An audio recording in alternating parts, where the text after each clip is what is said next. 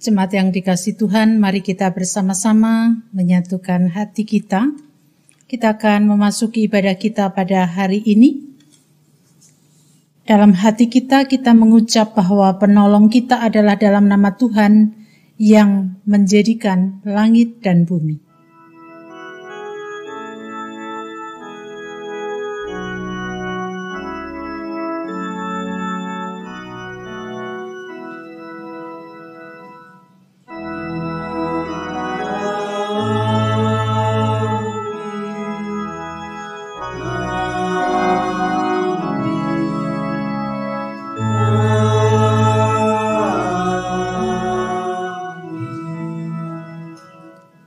Kasih karunia dan damai sejahtera dari Allah Bapa kita dan dari Tuhan Yesus Kristus menyertai saudara sekalian.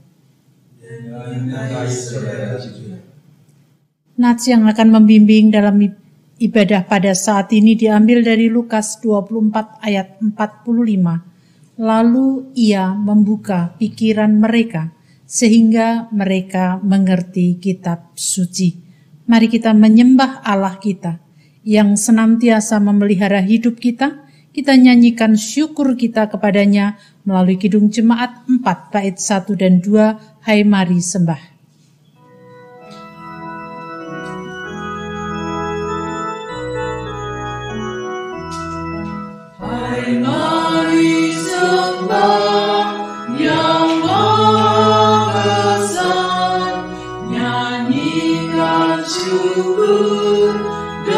Dengan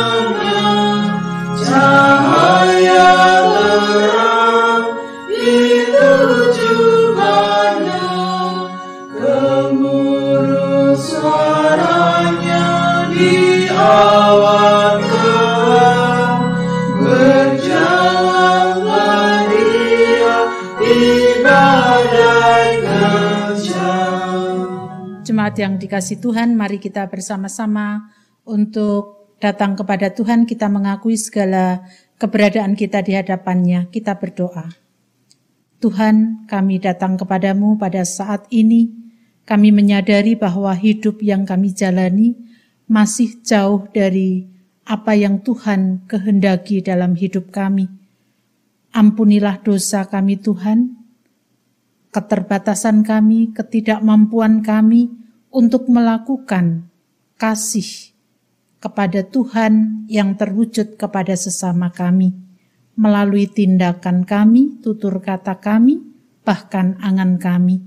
Sucikan diri kami ya Tuhan, karena kami sering kali melukai hati Tuhan dan juga hati sesama kami. Inilah pengakuan kami di hadapan Tuhan. Dalam nama Tuhan Yesus kami berdoa. Amin. Pernyataan pengakuan dosa dalam pujian kita nyanyi kita nyatakan melalui Kidung Jemaat 467 bait 1, 2, dan 3. Tuhanku bila hati kawanku.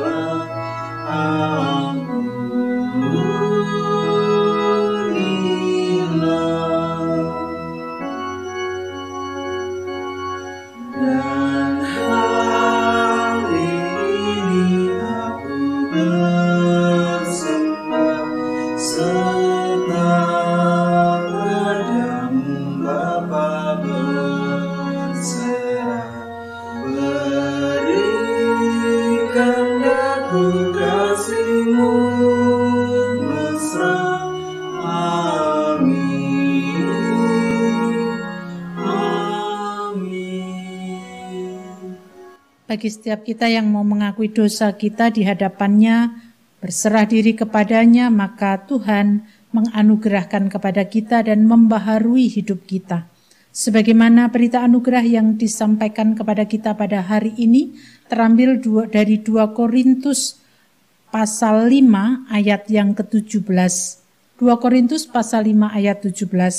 Jadi siapa yang ada di dalam Kristus, ia adalah ciptaan baru. Yang lama sudah berlalu, sesungguhnya yang baru sudah datang. Demikianlah berita anugerah dari Tuhan. Kita bersama-sama untuk menyambut dengan PKJ 239 bait 1 dan 2 perubahan besar.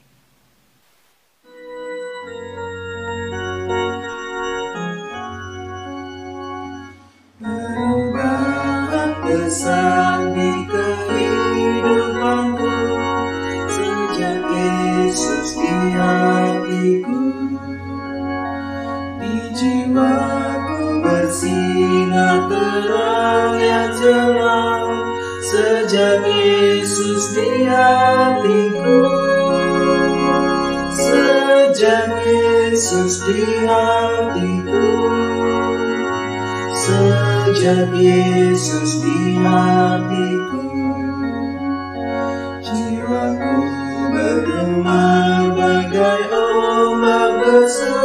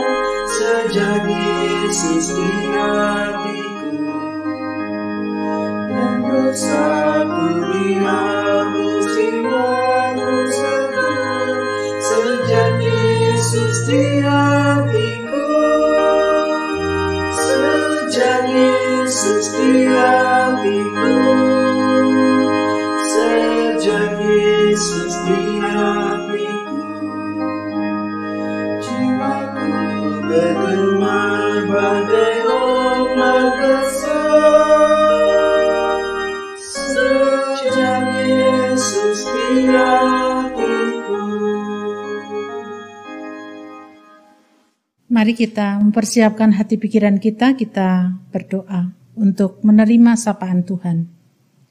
Tuhan, kami mengucap syukur pada hari ini Tuhan memanggil kami untuk mendengarkan pengajaran-Mu. Kiranya kuasa Roh Kudus menerangi setiap mata hati kami, pikiran kami, sehingga apa yang kami dengarkan, apa yang kami renungkan, dapat kami nyatakan dalam hidup sehari-hari. Kami serahkan waktu ini dari awal hingga akhir ke dalam tangan kuasa Tuhan. Dalam nama Tuhan Yesus kami berdoa. Amin.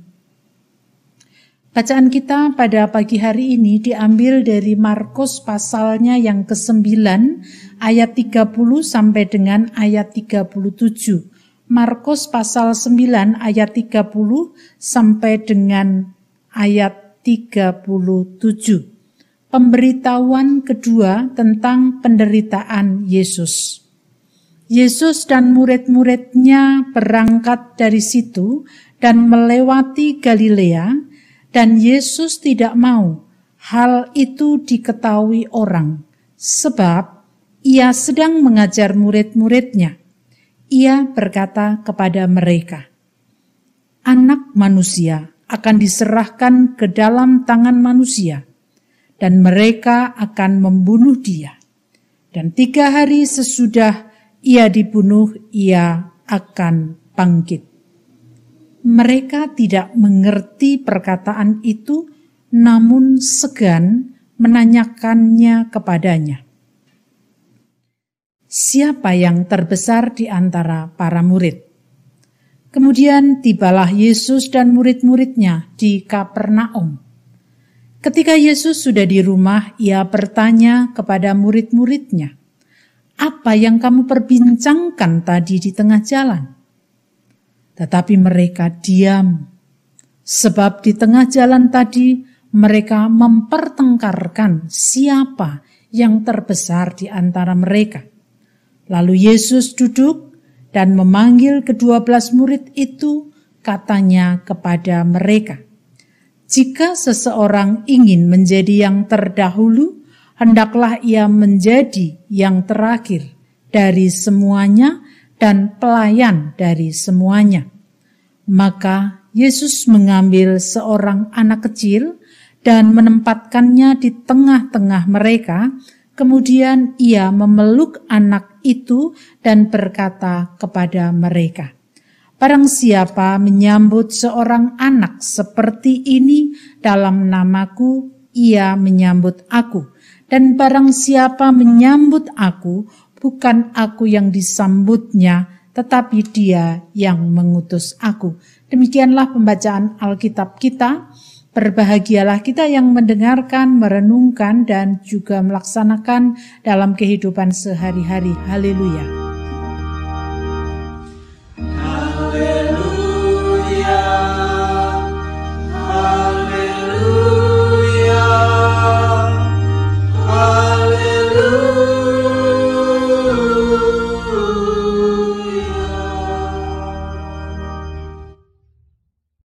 Jemaat yang dikasih Tuhan, setiap orang pasti memiliki pola pikir.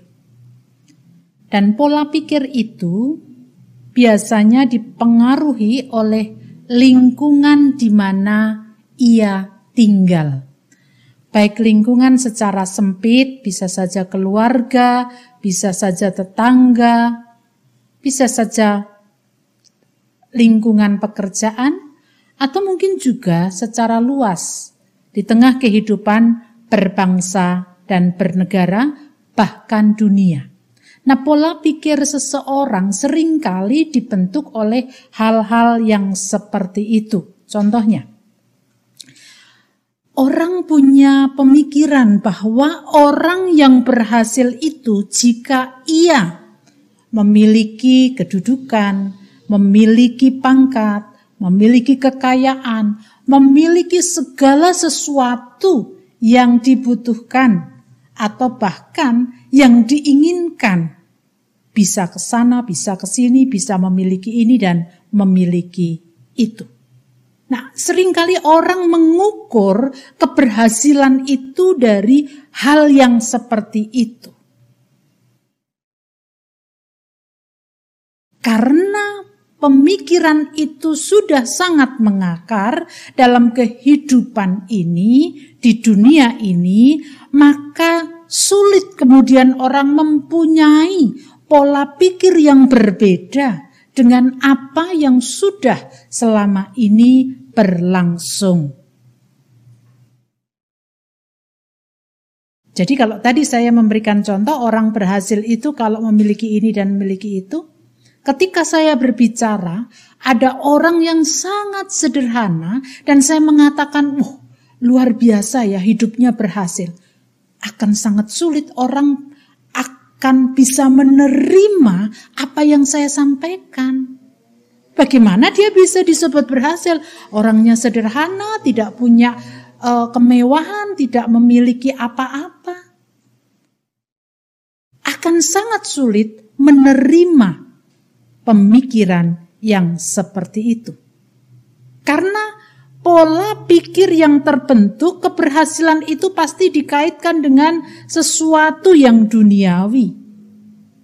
Padahal orang yang sederhana itu juga bisa dikatakan orang yang berhasil. Ada begitu banyak orang yang sangat sederhana, tetapi sebenarnya dia bukan karena tidak mampu untuk memiliki hal-hal sebagaimana yang dipahami oleh orang, tetapi pola pikir mereka yang sederhana tadi berpikir bahwa apa yang dimiliki itu adalah dari Sang Pencipta, sehingga harus dikelolanya untuk kehidupan, bukan hanya untuk dirinya, tetapi juga untuk orang-orang yang membutuhkan.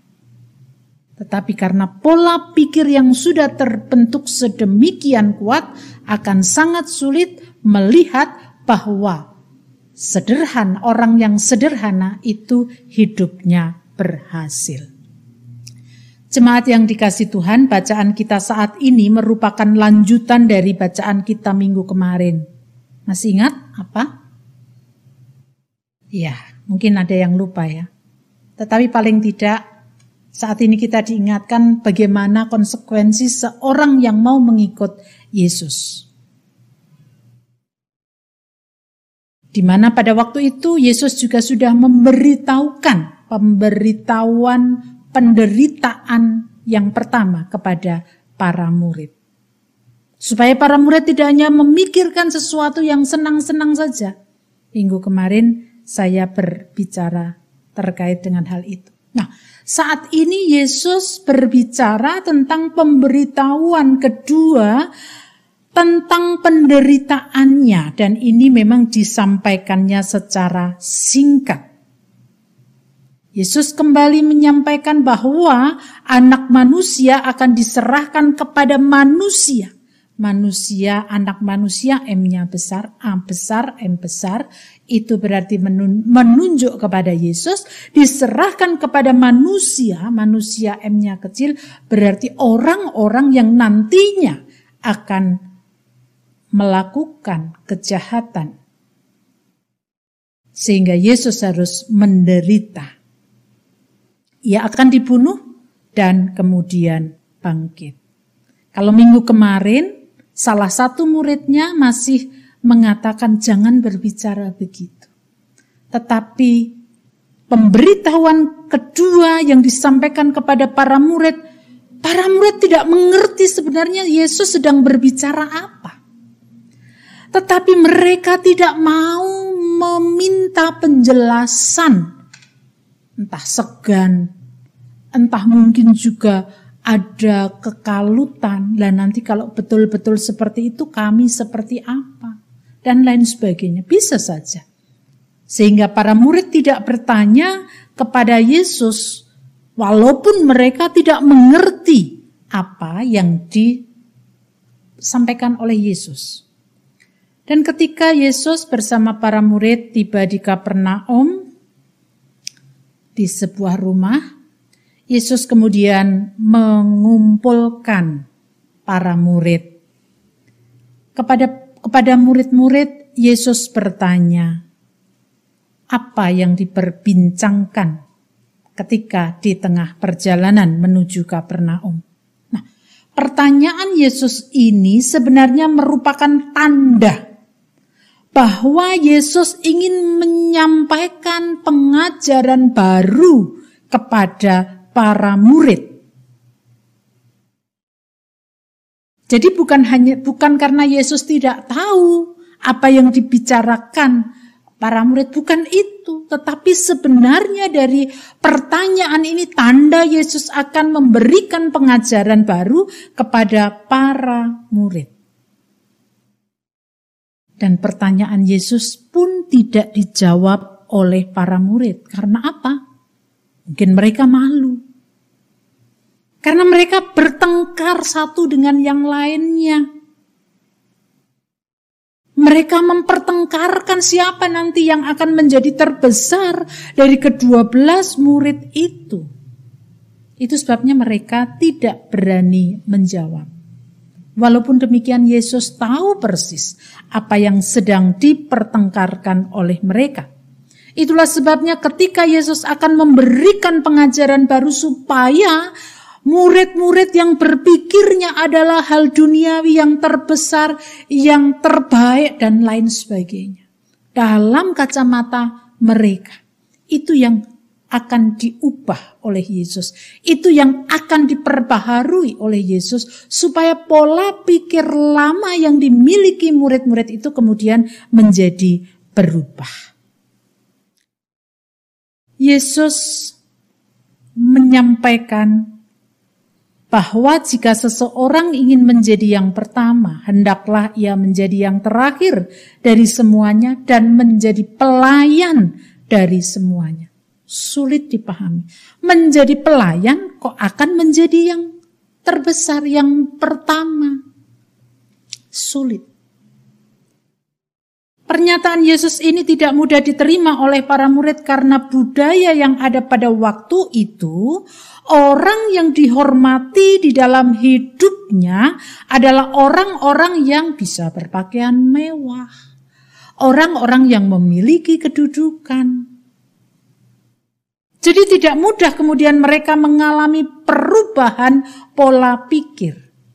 Itulah sebabnya ketika Yesus tahu persis sangat sulit kalau hanya menyampaikan pengajaran melalui kata-kata, Yesus kemudian meng, uh, mengajak seorang anak ditempatkan di tengah para murid anak kecil, lalu kemudian dipeluknya.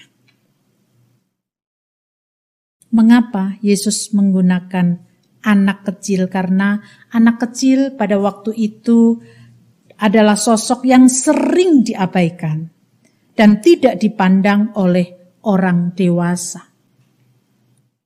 Dan sering kali kita pun juga begitu. Kowe ngertimu opo dalam bahasa Jawa ya. Kamu taunya apa? Kamu masih anak kecil.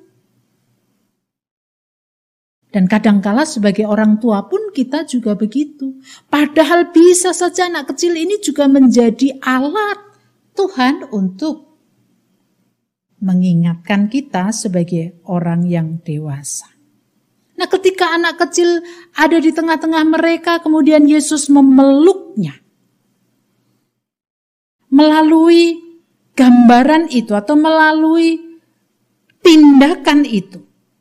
Yesus menggunakan anak hendak menegaskan bahwa jika para murid ingin menjadi yang terdahulu, ia harus menyambut dan menerima orang yang di, sering diabaikan bisa saja anak, bisa saja orang hina, bisa saja orang yang terpinggirkan dengan hormat. Artinya, walaupun itu dalam kehidupan secara umum dianggap terpinggir, dianggap terabaikan. Tetapi para murid harus menyambut mereka, harus menghormati mereka. Nah, orang-orang yang melakukan hal yang seperti itu, itu yang akan menjadi yang terbesar. Orang-orang yang melakukan seperti itu itu yang akan menjadi terdepan. Itu yang akan menjadi yang pertama. Jemaat yang dikasih Tuhan tidak mudah memang. Kemudian para murid langsung berubah pola pikir. Padahal tindakan itu akan berubah kalau pola pikirnya berubah terlebih dahulu. Itu sebabnya Bacaan kita pada saat ini ingin mengatakan kepada kita, jika kita ingin menjadi yang terkemuka, maka layanilah orang-orang yang terpinggirkan, orang-orang yang dianggap terasing atau diasingkan dengan rela dan penuh pengorbanan. Dan ketika kita melakukan itu dengan rela dan kita mau berkorban, berkorban waktu, kalau tidak punya dana, kalau tidak punya waktu, berkorban dana. Kalau tidak punya waktu dan dana, berkorban pikiran dan lain sebagainya ada banyak hal yang bisa kita kerjakan. Kalau kita ingin menjadi yang terkemuka, kalau kita ingin menjadi yang terhormat atau dihormati, maka mau tidak mau. Konsekuensi kita sebagai pengikut Yesus melayani dengan rela. Dan kita bersedia berkorban. Tidak mudah Bapak Ibu Saudara, tetapi marilah saat ini kita bersama-sama untuk menghayati bahwa ternyata menjadi pengikut Yesus itu tidak cukup untuk mengatakan ia dengan segenap hati. Tetapi perubahan-perubahan pola pikir, yang sesuai dengan kehendaknya itu harus selalu kita upayakan. Orang bisa memiliki perubahan pola pikir ketika dia terbuka. Terbuka Yesus menolong dia. Terbuka untuk Yesus hadir. Kemudian membantu untuk memiliki pola pikir yang baik. Sehingga kita tidak akan merasa harus seperti ini, harus seperti ini. Mari keikutsertaan kita kepada Yesus kita juga nyatakan dengan memiliki pola pikir yang terbuka. Karena ketika kita memiliki pola pikir yang terbuka, kita jika pola pikir kita selama ini sudah tidak berkenan di hadapan Tuhan, yaitu akan diubahkan oleh Tuhan. Mari kita bersama-sama untuk belajar dari pengajaran Yesus kepada para murid sehingga kita pun juga selalu terbuka untuk diubah Yesus melalui kata-kata kita, pola pikir kita dan juga tindakan kita. Amin. Saat teduh bagi kita semuanya.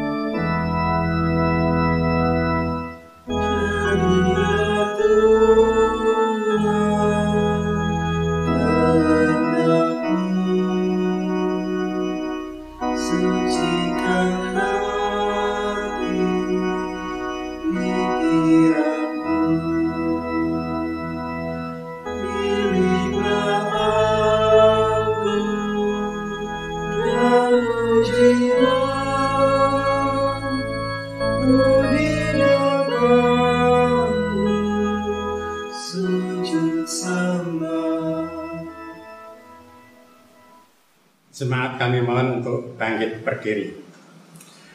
Dengan meletakkan tangan kanan di dada sebelah kiri, marilah kita mengikrarkan pengakuan iman kita bersama dengan umat Allah pada masa lalu, masa kini, dan masa depan menurut pengakuan iman rasuli. Aku percaya kepada Allah Bapa yang Maha Kuasa, Kalik langit dan bumi, dan kepada Yesus Kristus, anaknya yang tunggal Tuhan kita, yang dikandung daripada roh kudus, lahir dari anak darah Maria, yang menderita di bawah pemerintahan Pontius Pilatus, disalibkan, mati dan dikuburkan turun dalam kerajaan maut. Pada hari yang ketiga, bangkit pula dari antara orang mati, naik ke surga, duduk di sebelah kanan Allah Bapa yang Maha Kuasa, dan akan datang dari sana untuk menghakimi orang yang hidup dan yang mati. Aku percaya pada Roh Kudus, gereja yang kudus dan am, persekutuan orang kudus, pengampunan dosa, kebangkitan daging, dan hidup yang kekal. Dipersilahkan untuk duduk kembali. Mari kita bersatu dalam doa, kita berdoa. Segala puji dan syukur kami naikkan kehadiratmu Tuhan, karena Tuhan telah menyapa kami dan mengingatkan kami sebagaimana pengajaran Yesus kepada para murid pada waktu itu. Dalam pengajarannya hendak mengubah pola pikir para murid yang sudah sering kali mengikuti arus dunia. Dan biarlah apa yang sudah kami renungkan itu juga akan mengajar kami untuk kami terus belajar sebagaimana yang dilakukan oleh Yesus, jika kami ingin dihargai, dihormati, maka kami harus menghormati siapa pun juga, bahkan orang-orang yang dipinggirkan karena, karena mereka semuanya adalah ciptaan Tuhan. Kami mohon berkat pertolongan Tuhan untuk kami dapat melakukan tindakan itu dengan rela, melayani mereka dengan rela, dan selalu bersedia untuk berkorban.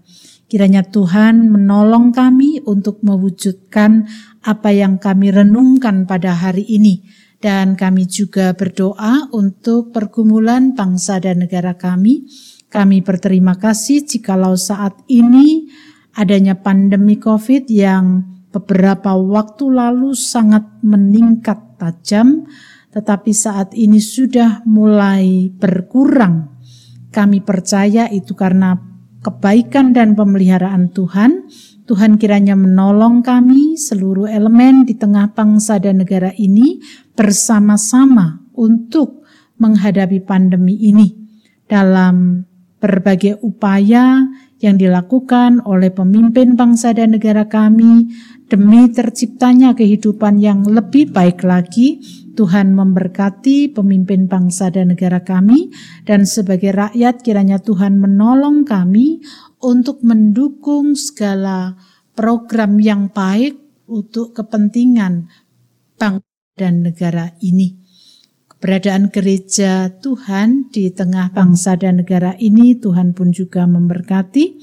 Secara khusus, Jemaat Philadelphia kiranya Kasih dan kemurahan Tuhan menolong setiap kami yang menjadi bagian dari jemaat ini untuk terus melihat Tuhan dan juga terus mempergumulkan atas panggilan Tuhan di tengah kehidupan berjemaat bukan hanya berdiam diri tetapi melalui apa yang kami miliki entah itu pikiran ataupun juga hal-hal lain yang bisa kami persembahkan kepada Tuhan, biarlah itu juga menjadi sarana kami untuk melayani Tuhan di dalam kehidupan berjemaat dan juga nantinya bisa lebih luas lagi kepada masyarakat karena itu juga menjadi panggilan Tuhan atas kami. Kami berdoa untuk saudara-saudara kami yang sakit, Berkat Tuhan tercurah atas mereka, tangan kasih Tuhan menjamah satu persatu supaya mereka mendapatkan kekuatan dari Tuhan. Bapak Mariman, Bapak Nugro Yulianto dan Ibu, Bapak Suratijo, Ibu Arista Kurniawati, Ibu Painah Teguh Tri Raharjo, dan juga saudara-saudara kami lain yang membutuhkan kekuatan dan kesehatan dari Tuhan, kami mempercayakan pemulihan kesehatan kepada Tuhan dan keluarga yang merawat, Tuhan pun juga menopang dan menguatkan mereka. Setiap keluarga jemaat Philadelphia dengan pergumulannya, baik ekonomi, sosial, dan juga hal-hal yang lainnya. Terlebih dalam mendidik anak-anak, mendampingi anak-anak dalam proses pendidikan anak-anak yang tidak mudah untuk dilalui saat ini, berkat Tuhan tercurah atas kami semuanya. Dan kami juga berdoa bagi keluarga Bapak Widodo yang harus mendampingi Febri. Tuhan memberkati dan menguatkan, terus menopang dengan segala apa yang harus dikerjakannya meski kami sadar itu tidak mudah tetapi kekuatan yang dari Tuhan Tuhan anugerahkan sehingga keluarga dimampukan untuk mendampingi Febri dengan sukacita. Kami berdoa untuk Febri, Tuhan menolong dan memberkatinya, memberikan kesehatan dan juga pengendalian diri supaya Febri juga terus bersama dengan keluarga untuk menjalani hidup ini dalam keberserahan diri kepada Tuhan. Tuhan terus menolongnya. Kami menyerahkan anak-anak kami dalam pertumbuhan iman, dalam pertumbuhan masa kanak-kanak dan juga mungkin masa pra-remaja. Tuhan pun juga menolong mereka supaya mereka bisa menjadi anak-anak Tuhan yang terus setia dan taat kepada Tuhan. Inilah doa syafaat kami kepadamu Tuhan, kesempurnaan atas doa ini kami serahkan di dalam nama Tuhan kami, Yesus Kristus, yang telah mengajarkan kepada kami doa Bapa kami.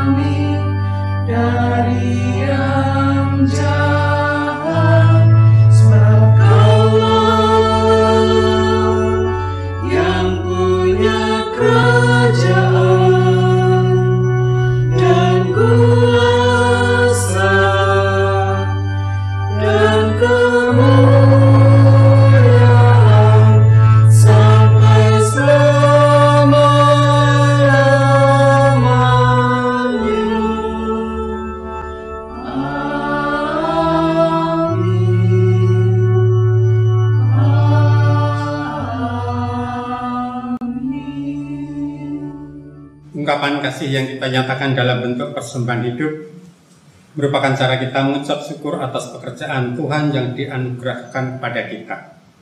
Dasar persembahan diambil dari Roma 12 ayat pertama dan kedua yang demikian. Karena itu saudara-saudara, demi kemurahan Allah aku menasihatkan kamu supaya kamu mempersembahkan tubuhmu sebagai persembahan yang hidup, yang kudus, dan yang berkenan kepada Allah itu adalah ibadahmu yang sejati. Janganlah kamu menjadi serupa dengan dunia ini, tetapi berubahlah oleh pembaharuan budimu, sehingga kamu dapat membedakan manakah kehendak Allah, apa yang baik, yang berkenan kepada Allah, dan yang sempurna. Mari kita menyanyikan Kidung Jemaat 450, bait yang pertama, Hidup kita yang benar.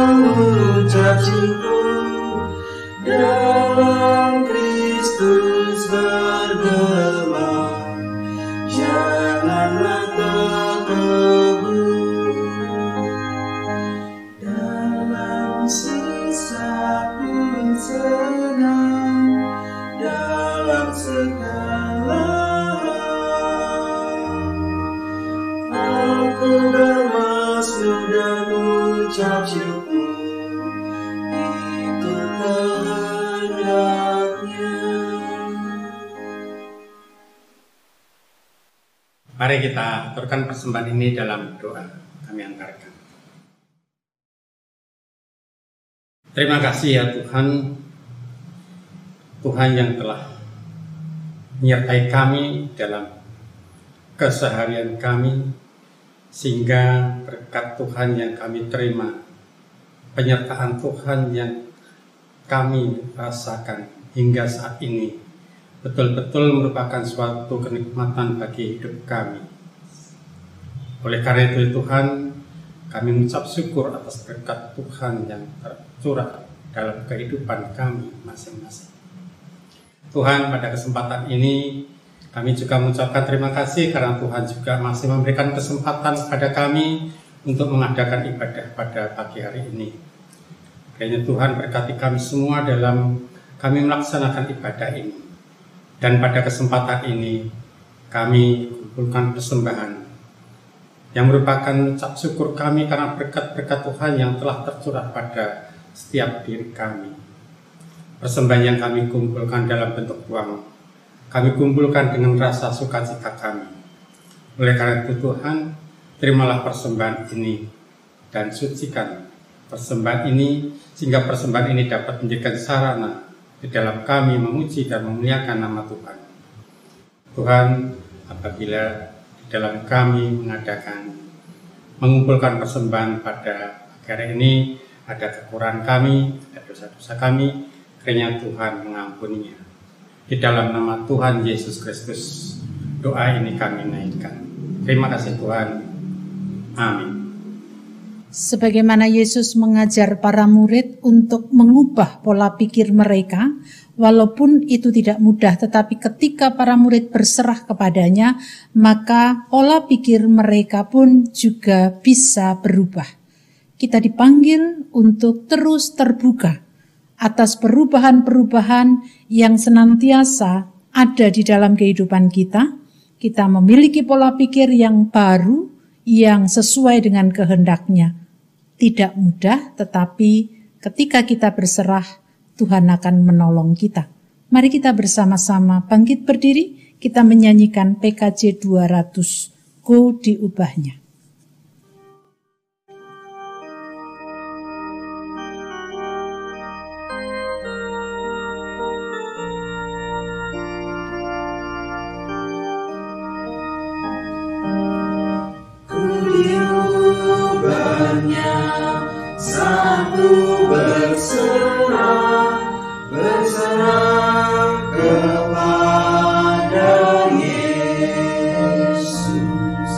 Diubahnya hingga jadi baik.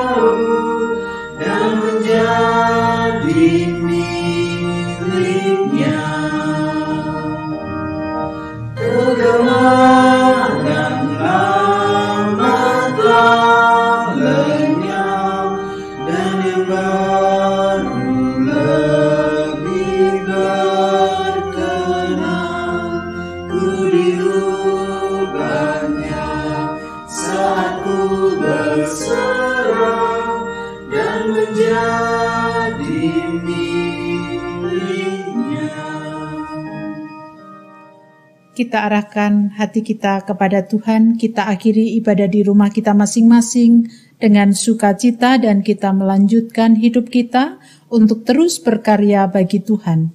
Kita terima berkatnya. Kasih karunia Tuhan Yesus Kristus dan kasih Allah Bapa serta persekutuan Roh Kudus menyertai kita sekalian selama-lamanya.